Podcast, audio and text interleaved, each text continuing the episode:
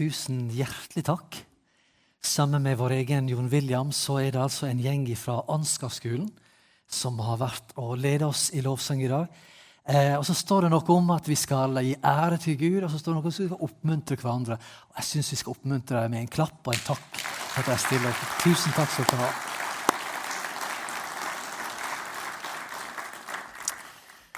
Så ikke bare at dere stiller opp, men måten dere gjør det på også. Tusen takk for at dere vil lede oss i tilbedelse. Og takk. Jeg har fått et eh, lett og et vanskelig tema i dag fra Eldsterådet. Eh, vil vel prøve å sette meg fast, da. Eh, men eh, det handler altså om redningsaksjon. Og teksten som jeg har gitt, det er den korte setninga Se Guds lam som bærer bort verdens synd. Og Det kan jeg nå tenke at det skulle være lett for en eh, gammel pastor å snakke om. Eh, det er jo rimelig sentralt. Men så treffer det rett inn i noe av det vanskelige. da. Eh, så før vi leser og stuper inn i noen av tekstene, så tenkte jeg at, at dere skulle få se noe her. Og, og, Grunnen til at jeg har lyst til å vise dere det, det var jo ikke et veldig sånn eksponeringsbehov. noen tror kanskje det, men, men, det var det at rett og slett det at Sjøl selv for åtte år siden, når det var tatt, så var jeg veldig fornøyd med det bildet personlig. Fordi at jeg kom bedre ut enn virkeligheten. Og det passet meg fint. Jeg Syns ikke dere det? Jeg, jeg syns jeg ser bra ut, altså. Så jeg syns dette var et glimrende familiebilde. Så dette synes jeg gjerne vi kunne hatt. Her kommer et til. Eh, tross alt, altså. Jeg var, jeg, de sier at bildet lyver ikke, men det er jo feil. De, de, andre, de, andre, de er jo flotte, veit du, men, men jeg syns jeg kom godt ut. altså. Det må jeg si her, altså. Dere ser også et litt sånn eh, lysskinn på meg der òg, det også. Men, det var, ja. men, men, poenget er altså at på Filippinene, hvor vi tok dette, her, så var de altså gode òg på åtte år siden til å retusjere og gjøre det vakkert og fint. Så de gjorde en god innsats på det. Er dere enige? Ja. Det er dere, dere enige, altså? Ja. Um, dilemmaet er litt det at um, det, det, er vel litt det som skjer i dag òg, når det gjelder Gud. Der er litt behov for å retusjere Gud. Han trenger å fremstå et litt bedre bilde enn det vi leser om i Bibelen. Kjenner dere det igjen? Og Det er noe av det som gjør det temaet her og de tekstene vi skal snakke om i dag, litt utfordrende. Fordi at dette, Da snakker ikke vi på en måte om det vi leser om i VG og NRK, og sånne ting, men dette er det som skjer midt inne i kirkas landskap, midt inne i frikirkeligheten. Så er disse tingene der eh, veldig aktuelt. Eh, redningsaksjon. Sånn trenger vi redningsaksjon. Og i så fall, hva slags type redningsaksjon er det vi trenger? Og Dette er ikke noen nye debatter. Eh, det som kanskje er noe litt forholdsvis nytt, iallfall her i Norge, det er at det, i hvert fall såpass massivt òg innenfor frikirkeligheten, så ser vi at de forskjellige det vi kaller forsoningslæren, altså læren om hvorfor Jesus måtte dø, og kanskje ligger i det her med Guds lam og det med en redningsaksjon, det, det har liksom alltid vært diskusjoner om og det har vært uenige om. Men, men, før kunne en kanskje se det litt i større grad som forskjellige vinklinger på eh, hvordan Bibelen fremstiller oss det. Og alle de forskjellige retningene har noe å si. Så det, det er ikke dette det er out of, liksom. Men det er bare at den delen vi skal løfte opp i dag, den blir eh, løftet opp på en sånn måte fordi behovet for å pynte på Gud, og spesielt den Gud vi leser om i Det gamle testamentet. Er dere med meg da? Håper jeg har dere litt. Håper ikke dere mister, eh, mister dere altfor fort inn i det her. For da er vi rett og slett inn i det med Guds lam. da. Og, og vi skal se på eh, noe av, eh, av de tingene. Og vi begynner å lese fra eh, Andre Mosebok 12. Skal vi se om vi finner det her. Først her. Ok, Vi kan ta det først. Vi skal se altså på kapittel 1. Det handler altså om lammets historie. Det handler om dette her med ofringer i Det gamle testamentet. Og så skal vi se på det her med, med lammet, hvor Jesus er lammet. Og vi skal se på kort på helt på slutt. Vi skal bruke aller mest tid på første kapittel. Eh, men kapittel tre handler jo nettopp om og lammet som sitter på truna og en dag skal komme igjen. Eh, så det er litt sånn kjapt det vi skal, vi skal se på. Vi begynner å lese fra andre Mosebok. Herren sa til Moses og Aron i Egypt.: Denne måneden skal være nyttårsmåneden deres. Den skal være den første måneden i året. Si til hele Israels menighet. På den tiende dagen i denne måneden skal hver husfar ta et lam. Ett til hver husstand. Altså Hver husfar skal ta et lam. Ett til hver husstand. Men hvis husstanden er for liten til å spise opp et lam, skal husfaren og dens nærmeste nabo ta et sammen, alt etter hvor mange de er. Det skal ikke regne flere på hvert lam enn at alle blir mette. Lammet må være et årgammelt værlam uten feil. Dere kan ta enten et lam eller et skje. Dere skal ta vare på det til den 14. dagen i denne måneden. Og i skumringen skal hele forsamlingen av Israels menighet slakte det. Så skal dere noen, eh, noen av ta noe av blodet og stryke det på de to dørstolpene og på bjelken over dørene i de husene hvor de, spis, hvor de spiser det. Kjøttet skal de spise skal de spise samme natt. Det skal være sterkt stekt over ilden, og de skal spise det med usyret brød og bitre urter. Dere må ikke spise det rått eller kokt i vann. Nei, det skal være stekt over ilden med hode, føtter og innvoller. Dere må ikke la noe bli igjen til morgenen etter. Er det noe igjen om morgenen, skal dere brenne det opp. Slik skal dere spise, med kjortel bundet over livet og sko på føttene og stav i hånden. Spis det i all hast. Det er påske for Herren.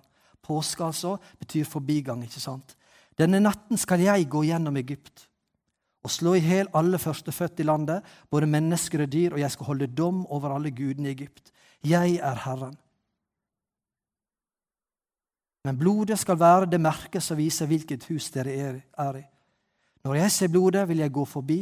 Ingen ødeleggende plager skal ramme dere når jeg slår Egypt. Har dere behov for å retusjere Gud? Men det er altså noe av den store bakgrunnen når det gjelder lammet. Når døperen Johannes sa den setninga, når han hadde stått ute i ødemarka og han hadde kalt til omvendelse, og Jesus kommer gående, og han sier 'se'. Vi skal komme tilbake til. Han sa ikke bare 'se' i betydninga 'ta en liten kikk'. Kikk litt opp. Ta en rask. Se. Guds lam som bærer verdens synd. Guds lam. Et lam. Og her er noe av bakgrunnen. Fordi det handler altså om et offerlam. Det handler om at vi er rett inn i et eh, Guds, Guds folk, og israelsfolket var i fangenskap, og Gud ville fri dem ut. Eh, og så er det det som er sentrumet for hele jødefolkets historie. Det er nettopp det. Vi har feira påske, og påskemåltid og det vi las om, det har jødene enda. De feirer det, de spiser det, og de leser teksten, sier teksten, forklarer det etter generasjon etter generasjon. Og det har tatt vare på en masse av den identiteten. Og så er det det som er sentrum i den kristne tro. Altså, Passer det veldig bra med 2019? Eh, at sentrumet i den største religionen, den største tru, eh, det er altså et, et, et, et uskyldig lam, blodig offer. Liksom, ikke så veldig kult. Eh, ikke så veldig vakkert bilde av Gud.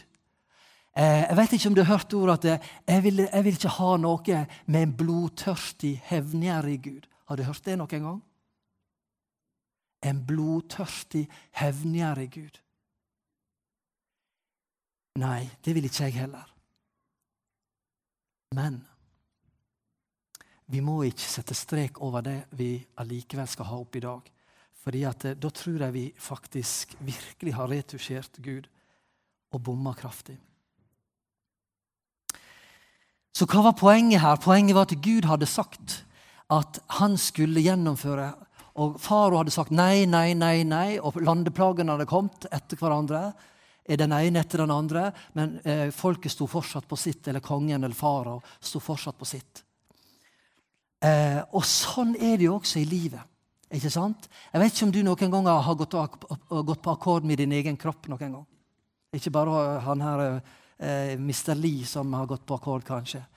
Men, men, det som skjer da, eksempel, at hvis du blir oppslukt av jobben din, sant? så vil det jo gå føre til eh, kanskje fysisk og kanskje psykisk eh, breakdown. Altså eh, utbrenthet. Og kanskje også åndelig. Det er en slags lov som er nedskrevet. At når vi går på akkord med noe av det Gud har lagt ned, hans plan og vilje for oss, bl.a. at vi trenger hvile, går vi på akkord med det, så fører det til ødeleggelse. Sånn er det lagt inn overalt. Hvis f.eks. du bærer på og ikke vil tilgi noen, for eksempel, så lærer Bibelen oss at det over tid fører til bitterhet. Og bitterhet det fører til vonde ting inni deg. Det fører til ødeleggelse inni deg. Og så begynner det å spre lukt rundt deg. Ikke sant? Så når vi ikke lever etter Guds prinsipp, så blir det til ødeleggelse for oss. Og Sånn var det det israelsfolket eh, fikk oppleve, og ikke minst egypterne fikk opp, altså oppleve. At det var en straff, det var en ødelegger som skulle gå forbi og sette noen grenser fordi de ikke var lydige mot Gud. Og Da er vi stupt inn i noe av det som er det store, store, store spørsmålet. Hvorfor i all verden skulle det skje? Hvorfor var det sånn? Altså at eh, det måtte et lam til, det måtte en ofring til.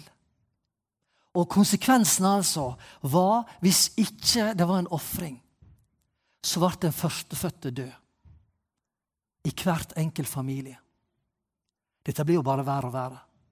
En Gud som krever et menneske skal dø fordi på veggene av andre. Det er vanskelig for vår individualistiske, vestlige måte å tenke på. Men det er mye lettere for mange andre kulturer rundt om i verden. En del der var, var sagt det før jeg glemmer Jeg har henta masse inspirasjon fra Timothy Keller. hvis noen har lyst til å ha litt referanser. Eh, men det er noe av det som er en kjempeutfordring. Fordi vi lever i en sånn individualistisk verden som sier at det jeg gjør, får konsekvenser for meg. Men over hele verden, og i alle fall tidligere, men også den dag i dag, så er det mye mer fokus på fellesskap og på familien. Og hvis vi forstår det, så gir det også mening. Når vi går enda et hakk, og når vi snakker om Abraham Abraham eh, som fikk vite at han skulle ofre sin egen sønn Isak. Og Da begynner noen som kjenner historien, å klø litt på ryggen. For det er virkelig noe av det de ønsker å klippe vekk ved behovet for å retusjere Gud. En Gud som krever en sønn skal bli ofra på vegne av Nei, nå har vi en nytestamentlig Gud. Jesus gir oss et helt annet bilde av Gud enn det der. Det er naturlig at vi i 2019 sier 'i Vesten'. For i Vesten er vi vår egen lykkesmed. Men på den tid var det en helt annen forståelse. Du, hvis, hvis Abraham har hørt en stemme som sa 'Abraham, gå og ofre Sara'. Hadde Abraham gjort det? Nei. Hvorfor det? Da hadde han trodd at det var en demon. Og det var det jo. Gud hadde aldri bedt Abraham om å ofre Sara. Hvorfor det? Fordi Abraham levde i den tid og i den kultur hvor de visste at eh, lykke lykken til noen, den lå i familiens lykke. Det var ikke min eller din eller din lykke, det var familiens lykke. Og den førstefødte var nøkkelen for den. Og gjorde noen i familien noe, så var, det, eh, eh, så var ikke det den som førte skam over seg. Nei, den førte skam over hele familien. Og Vi kan jo kjenne små glimt av det den dag i dag. ikke sant? Men på den tid var det mye mer etablert. Så Derfor var det en sånn helt klar forståelse av at den førstefødte var nøkkelen til en families lykke. Og da kommer det inn, som er det store, avgjørende spørsmålet. Det Abraham visste, og som nåtidens folk ikke regner med, det er at Abraham visste at Gud krevde det han hadde rett på. Der er nøkkelen. Hvorfor det? Fordi Abraham visste at han sto i gjeld til Gud. Abraham visste at han hadde en gjeld. Og den måtte betales. Derfor visste Abraham at når Gud krevde en ofring, sin, eh, sin førstefødte sønn Isak, så visste Abraham at Gud hadde rett til det. Jeg står i gjeld til Gud. Jeg og min familie vi står i gjeld. Ikke bare jeg personlig, men min familie står i gjeld til Gud. Men den førstefødde kan ofres, og vi går fri. Blodtørstig Gud? Nei, det handler ikke om en blodtørstig Gud. Men det handler om en Gud som krever sin rett. Derfor står vi i gjeld. Og det er det store spørsmålet. Står vi i gjeld til Gud? Og mange av nåtidens mennesker sier nei. Mange teologer sier nei. Vi står ikke i gjeld til Gud. Derfor bringer de gjerne inn en annen lære, eh, som, som vi kaller det mer en subjektiv forsoningslære. Det handler om at det er jeg som, jeg som har følelser i meg. Det er jeg som har hardt hjerte. Så Derfor så trenger jeg å se på Jesus som død på et kors. Og da vekker det sånn kjærlighet i meg at jeg får lyst til å vende meg til Gud. Og Det er bibelsk rett. Men det er ikke det eneste. Og hvis det er bare det eneste, så går vi glipp av kjempemasse i hele Bibelen. Eller som den klassiske forsoningslærer som sier, eh, den sier meg det at, eh, at Jesus beseirer djevelen og alle eh, bindinger som vart. Så at når Jesus døde, så beseirer han djevelens makt. Og det gjør at vi går fri. Og er det bibelsk? Ja. Men det er ikke alt. Og Det er derfor vi står igjen her med noen ting som klør oss litt på ryggen. Det, det, det, passer liksom ikke inn. Det er vanskelig å kommunisere for nåtidens folk. Og det er mange av nåtidens folk som sier 'Hvorfor måtte Jesus dø?' Hva er poenget med at Jesus måtte dø? Og det er jo det som er. Abraham skjønte det. Han levde i den, eh, i den erfaringen, den kunnskapen om at eh, han sto i gjeld til Gud. Og Gud hadde krav på det. Og Derfor så gikk han med på det og ofret sin egen sønn. Ja, hadde, Abraham problemer med det? Ja, han kjempa jo. Dere husker sikkert teksten dere har lest om det. Han kjempa som en gal med følelsene sine. der han gikk opp. Og Isak sier men uh, her er veden og, og, og ilden, men, men hvor hen er offeret? Nei, det er du, det er Isak. Han sa jo ikke det. Han sa Gud har en plan. Han ante ikke hva han skulle si. Han måtte bare stole på Gud. For det Abraham kjempa med, nemlig, det var at han sto i gapet mellom at han visste at Gud var en, en rettferdig Gud. Eh, på den ene sida, og derfor så hadde han krav på det. Fordi at det var en gjeld som ikke er gjort opp her. Det er synd. Men på den andre sida har fått et løfte fra Gud som sier Abraham, i deg skal alle slekter velsignes. Og det kjemper Abraham med. Jeg får ikke det til å gå opp, Gud. Her har du gitt et løfte om nåde og velsignelse. På den andre sida har du rett på det du sier. Jeg er en synder, og du står rett i det du gjør. Jeg forstår ikke det. Jeg, ikke, jeg klarer ikke å holde det sammen. Det kjemper Abraham med. Det gapet står han i. Det hadde han kunnskap om. Men eh, kan ikke Gud bare tilgi, da? Har dere hørt det noen gang? Gud er suveren, han kan bare tilgi. Eh, først og fremst så kan ikke Gud det fordi Bibelen forteller oss at han kan det. Det er det ene. Det andre eh, grunnen er at Bibelen lærer oss det at eh, Gud er rettferdig. Og Nå skal vi ta bare en liten sving innom våre menneskelige tanker. For jeg har lyst til å spørre dere, Mener vi virkelig at vi ønsker at Gud skulle bare tilgitt? Mener vi det? At sånn var det? Det er livet? Hva ville konsekvensen bli av det? Hva ville konsekvensen bli av at en, en serie voldtektsmann og og seriemorder sto fram, og så sa han bare at ja, det er jeg som har gjort det. Og så sier samfunnet helt OK, vi er ferdig med saken.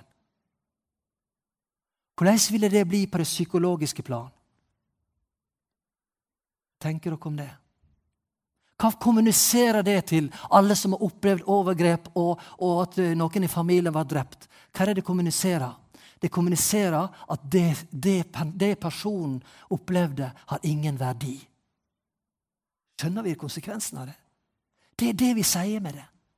Vi sier at det har ingen betydning. For det er jo nettopp det offeret og gjelda sier. Det er noe som har gått tapt. Det er noe verdifullt som har gått tapt. Og Hvis vi bare sier ja, men det har ingen betydning, det er helt ok, så vil det eh, psykologisk sett føre til kjempeproblem. Fordi den kvinne, mest sannsynlig, som sitter igjen der har erfart voldtekt Den familien familie som sitter igjen, at dattera di er tatt vekk. De sitter igjen der og sier, samfunnet sier at den har ingen verdi.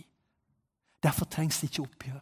Derfor skriker alt i oss. Det skriker innenfra etter rettferdighet. Er ikke det vel? At den skyldige må bli tatt. Er ikke det vel?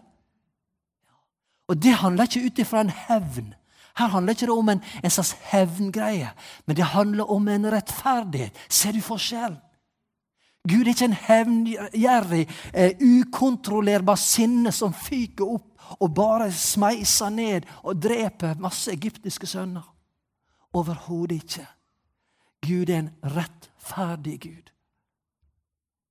Og han vil ha oppgjør fordi det han har skapt, du er så verdifull.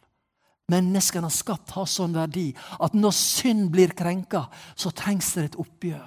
Gud gjør ikke det ut fra et sinne og en slave, ut fra et sånn, eh, sånn perspektiv av hevngjerrighet, blodtørstighet. Han gjør det ut ifra at han er fullkommen rettferdig, hellig. Hva ville det bety sosiologisk sett om det skulle altså få sånn at en serievoldtekts- og, og morder skulle gå fri? Jo, det vil jo bare eh, bli et samfunn fullstendig korrupt, fullstendig ødelagt. Så verken psykologisk, eh, sosialt, samfunnsmessig på noen som helst måte ville vi ha samfunn som ville fungere sånn. Og så er det interessant, da. Tror dere at samfunnet er sånn fordi vi har funnet på det? Nei, fordi det er nedlagt av oss, av skaperen sjøl. Derfor har vi organisert samfunnet sånn. Og Så kan det være uenighet om det ene og det andre, og straffemetoder og alt det der. Det er noe annet. Og Der er ikke vi fullkomne.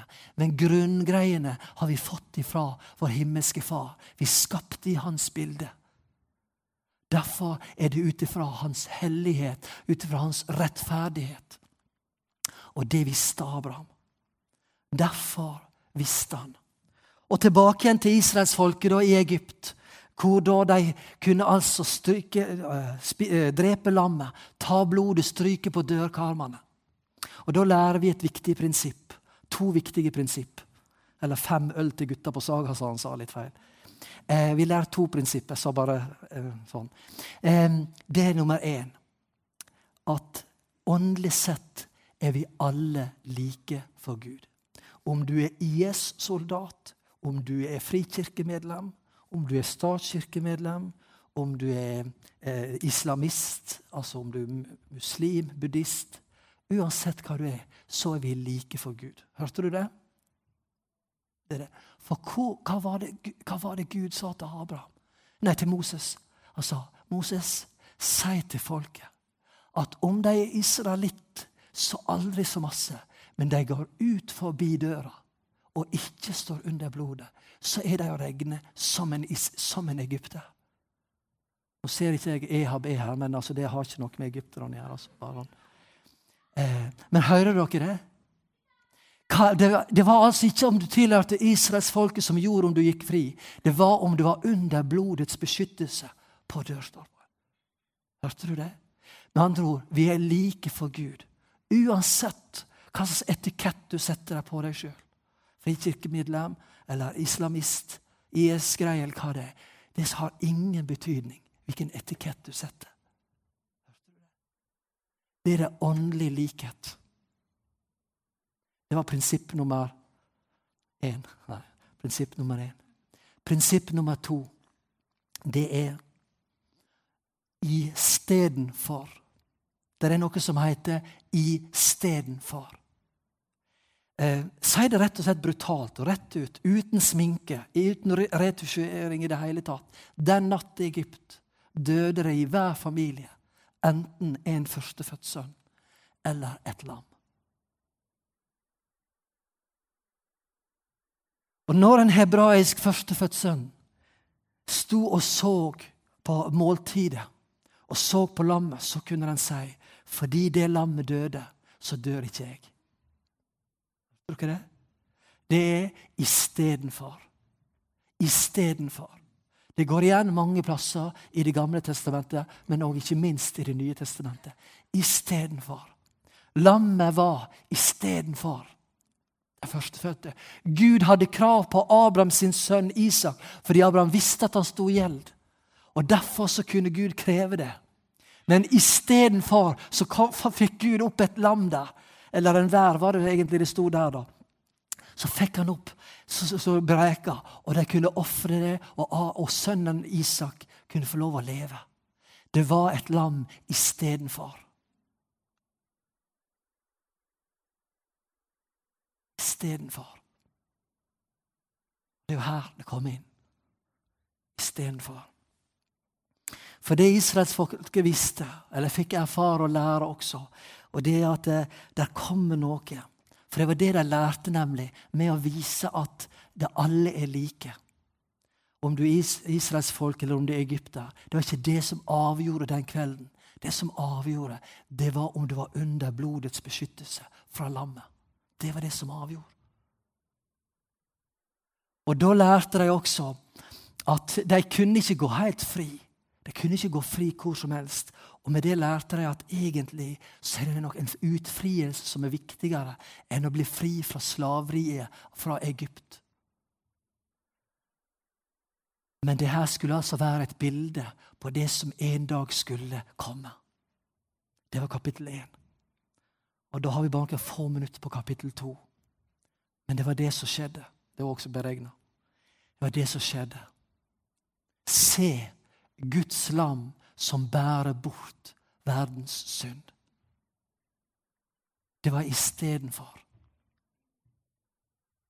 Hele historien bygd opp, hele sentrum. Og når Jesus i den natta ble forrådt, så tok han et brød, takka, brøt ga disiplene og sa, 'Ta og et'. Dette er min kropp, sa han.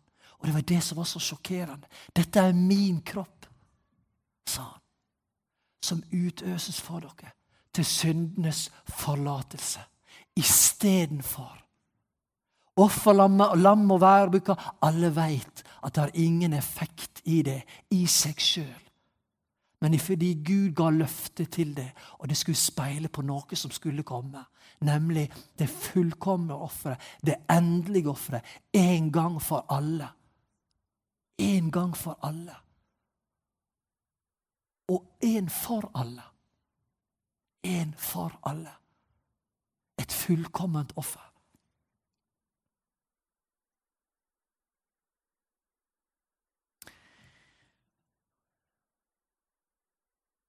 Peter sier det sånn Dere vet at det ikke var med forgjengelig tilgjengs og sølv eller gull. Dere ble kjøpt fri. Det var redningsaksjon. Det trengtes å kjøpes fri fra det tomme livet dere overtok fra fedrene. Det var med Kristi dyrebare blod, blodet av et lam uten feil eller lyte. Se, Guds lam som bærer bort verdens synd. Istedenfor. Og da er vi over i kapittel tre. For så står det jo fantastisk vers i Johannes' åpenbaring. Eh, og det står om at de tilber lammet. Og du vet at Hvis de tilber noe i evighet, så vet vi at det er Gud sjøl de tilber. Ikke sant? Alt annet er avguderi. Og så skriver likevel Johannes, israelitten som hadde lært at det fins ingen andre Gud enn én, så hadde han lært altså og så så han inn i himlene og så han på det som skulle komme. Og så så han lammet som satt på trona. Lammet som satt på trona. Et lam på ei trone. Det er litt kulere med Narnia, da, som har en løve. Men det er også et riktig bilde. Interessant er at Narnia lar jo løven dø. Og Det er jo ikke bibelsk riktig, og så er det veldig bibelsk riktig likevel. For løven og lammet er den samme. Jesus Kristus. Istedenfor. Istedenfor deg. Istedenfor hele din familie.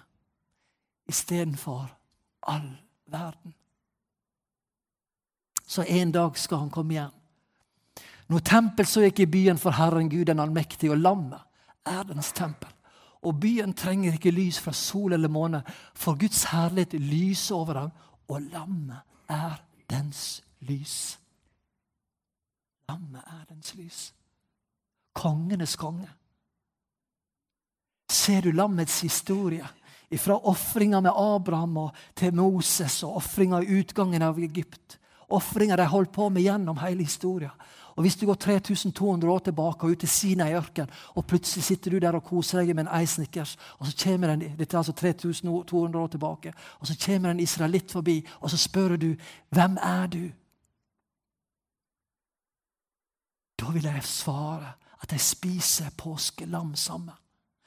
Påskemåltidet definerer deg. Vi var i fangenskap. Vi er fridd ut. Og lammet, blodet, berger oss. Og vi skal inn til et nytt loverland. Jeg syns det ligner litt på en historie vi som kristne også vil fortelle. Vi har vært i fangenskap. Vi var under synd. Men lammet, blodet, Jesus Kristus, døde for oss. Og en dag så skal vi nå inn til et nytt rike. En ny himmel og en ny jord, hvor alt skal være nytt. Han skal gjenopprette alt sammen på bakgrunn av det han gjorde på korset. Fordi han valgte å være Guds lam. Så hva betyr det da å se? Jo, det betyr at du ikke må bare full fart eh, stoppe opp. Du, mange av dere som sitter her, har hørt det her, her og lignende ting hundrevis av ganger. Og der er kanskje tabben vår også, for vi tror vi kan det. Eh, men han trenger at, men han ønsker at Og Johannes sier det. Se, stopp opp ved det, dvel ved det. Ikke gå glipp av dybden i det, og ikke minst ikke gå glipp av kraften i det. For det sier at du står og gjelder, og du trenger et oppgjør. Gjelda trenger å bli gjort opp, eh, gjort opp. Derfor er det en redningsaksjon som var på gang. Og Jesus han var det offerlammet. Han var det som tok all gjeld og all skyld på seg. Ingen er bedre enn andre. Noen tenker at ja, men hvis du står der framme og i 2019 sier at du, er, du har sannheten, da blir du en oppblåst blære. Men vet du hva? Det her det forteller oss, det er altså at eh, vi er altså helt like. Vi står helt på lik bar. Det er, er, ingen forskjell mellom oss. Vi trenger alle den samme redning. Uansett hvem vi er, og hva slags medlemskap du klistrer utapå deg. Det gagner deg altså ingenting hvis ikke du er under lammets beskyttelse. Med andre ord Jesus Kristus fått bli din frelser. Og Derfor sier deg noe om når du ser når du ser lenge på Jesus, der han henger på korset, så vil du skjønne hva er kjernen av livet. Kjernen i livet, det handler om å gi. Det fins mange ting annet vi kunne si om det. Men skal du gå inn til det, hva er noe av det viktigste i livet? Jo, Jesus sier det er kjærlighet. Og kjærlighet, den gir. Ingen har større kjærlighet enn som gir sitt liv for sine venner. Og det var det Jesus gjorde. Hvis du lurer på hva er livet, hva er hensikten med livet, kan du få lov å fortsette eller begynne med å gi. Så ligger det masse dybde i det, så vi kan granske gruppene. Og ikke minst eh, det neste lidelse kan bli transformert. Jeg vet ikke hvilken lidelse du går gjennom, men den mest meningsløse lidelsen som noen gang har skjedd, altså at en fullstendig uskyldig, et fullkomment offer, skulle betale en gjeld som ikke vedkommende hadde, er den mest meningsløse døden som har pågått på denne jord. Og allikevel er det blitt vart til til den mest meningsfulle som kunne skje. Så handler ikke det om å forherliggjøre din lidelse, men når du ser på Jesus, så kan du også få tro at den lidelse du går igjennom, kan han ved sin nåde transformere. Som gjør at det blir noe annet. Se. Men du må kanskje se en stund. Kanskje må du la det synke inn. Kanskje litt lenge. Det er litt vanskelig å gripe i vår tid. Og spis det sammen med andre. Spis måltidet, og ikke bare altså rent konkret, men gjør det i fellesskap, i familie, i menighet, i mindre grupper. Du spiser måltidet sammen. Ikke bare da pizzaen, men også påskemåltidet, nattverden. Feire lammet. Se Guds lam som bærer verdens synd. Far, vil du la åpenbare det for oss på nytt igjen. Amen.